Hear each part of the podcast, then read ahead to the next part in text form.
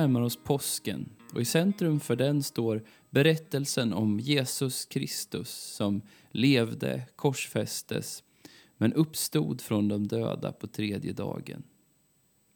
Inför påsken 2021 läser vi i Olivehällskyrkan hela Markus evangelium, den äldsta samlade berättelsen om Jesu liv.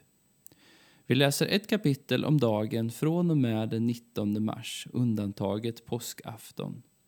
Då kommer vi att ha läst hela evangeliet på påskdagen.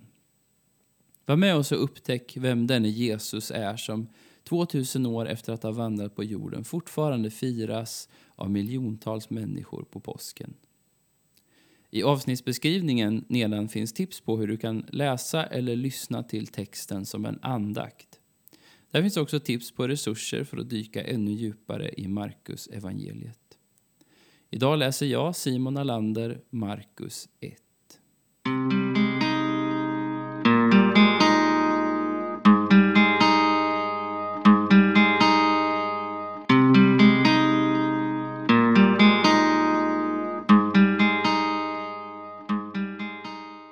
Här börjar glädjebudet om Jesus Kristus, Guds son. Som det står skrivet hos profeten Jesaja. Se, jag sänder min budbärare före dig. Han ska bereda vägen för dig. En röst ropar i öknen. Bana väg för Herren, gör hans stigar raka. Så uppträdde Johannes döparen ute i öknen och förkunnade syndernas förlåtelse genom omvändelse och dop. Och hela Judeen och alla i Jerusalem kom dit ut till honom och de bekände sina synder och döptes av honom i Jordan. Johannes var klädd i kamelhår och hade ett läderbälte om livet och han levde av gräshoppor och vildhonung. Han förkunnade, efter mig kommer den som är starkare än jag och jag är inte värdig att böja mig ner och knyta upp hans sandalremmar. Jag har döpt er med vatten, han ska döpa er med helig ande. Vid den tiden kom Jesus från Nasaret i Galileen och döptes i Jordan av Johannes. När han steg upp ur vattnet såg han himlen dela sig och anden komma ner över honom som en duva. Och en röst hördes från himlen. Du är min älskade son. Du är min utvalde. Anden drev honom ut i öknen och han var i öknen i 40 dagar och sattes på prov av Satan. Han levde bland de vilda djuren och änglarna betjänade honom. När Johannes hade blivit fängslad kom Jesus till Galileen och förkunnade Guds budskap och sa Tiden är inne, Guds rike är nära. Omvänd er och tro på budskapet. När han gick ut med Galileiska sjön fick han se Simon och hans bror Andreas stå vid sjön och kasta ut sina kastnät, för de var fiskare. Jesus sa till dem, Kom och följ mig, jag ska göra er till människofiskare. Och de lämnade genast sina nät och följde honom. Lite längre fram fick han se Jakob, Sebedaios son, och hans bror Johannes, som höll på att göra i ordning näten i sin båt. Han kallade på dem och de lämnade sin far Sebedaios och hans folk i båten och följde efter honom. De kom till Kafarnaum och när det blev sabbat gick han till synagogan och undervisade. Alla överväldigades av hans undervisning, för han undervisade med makt och inte som de skriftlärda. I synagogan fanns en man som var besatt av en oren ande och han började skrika. Vad har du med oss att göra, Jesus från Nasaret? Har du kommit för att ta död på oss?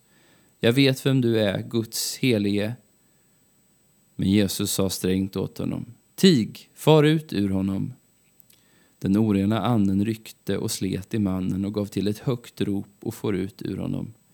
Alla greps av bävan och frågade varandra, vad är detta? En ny undervisning med makt bakom orden. Till och med de orena andarna befaller han, och de lyder honom. Ryktet om honom spred sig genast över hela Galileen.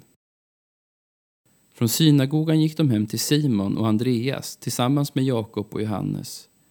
Simons svärmor låg i feber och det sa de genast till Jesus. Han gick fram till henne, tog hennes hand och reste henne upp och febern lämnade henne och hon passade upp dem. På kvällen efter solnedgången kom han till honom med alla sjuka och besatta. Hela staden hade samlats utanför dörren och han botade många som led av olika sjukdomar och drev ut många demoner och han förbjöd demonerna att tala eftersom de visste vem han var. Tidigt nästa morgon, medan det ännu var mörkt, gav han sig av därifrån och gick bort till en enslig plats, och där bad han. Simon och de andra skyndade efter honom, och när de hade funnit honom sa de, alla söker efter dig.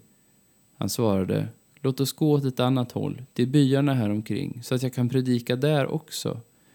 Det är därför jag har gått ut. Och han gick och predikade i synagogorna i hela Galileen och drev ut demonerna. En spetels kom till honom och föll på knä och bad. Vill du så kan du göra mig ren. Jesus greps av vrede, sträckte ut handen och tog på honom och sa Jag vill, bli ren. Och genast försvann spetälskan och han blev ren. Jesus skickade bort honom med en sträng förmaning. Säg ingenting till någon, men gå och visa upp dig för prästen och ge det offer för din rening som Mose har bestämt. Det blir ett vittnesbörd för dem. Men mannen gick därifrån och började tala vitt och brett om saken så att Jesus inte längre kunde visa sig i någon stad utan stannade ute i ödemarken. Och det kom folk till honom från alla håll.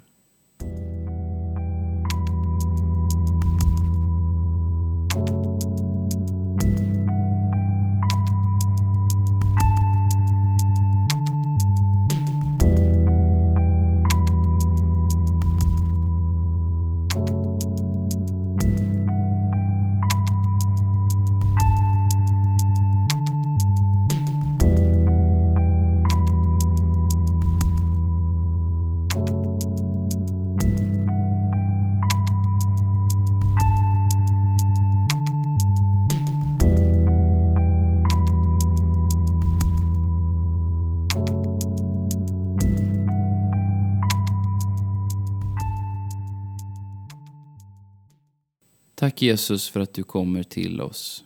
Tack Gud för glädjebudet att du vill ha med oss att göra. Bana din väg i varje människas hjärta och låt oss få erfara din befrielse från allt det som skadar och binder. Hjälp oss att liksom Jesus ta tid i stillhet, vila och bön. Amen.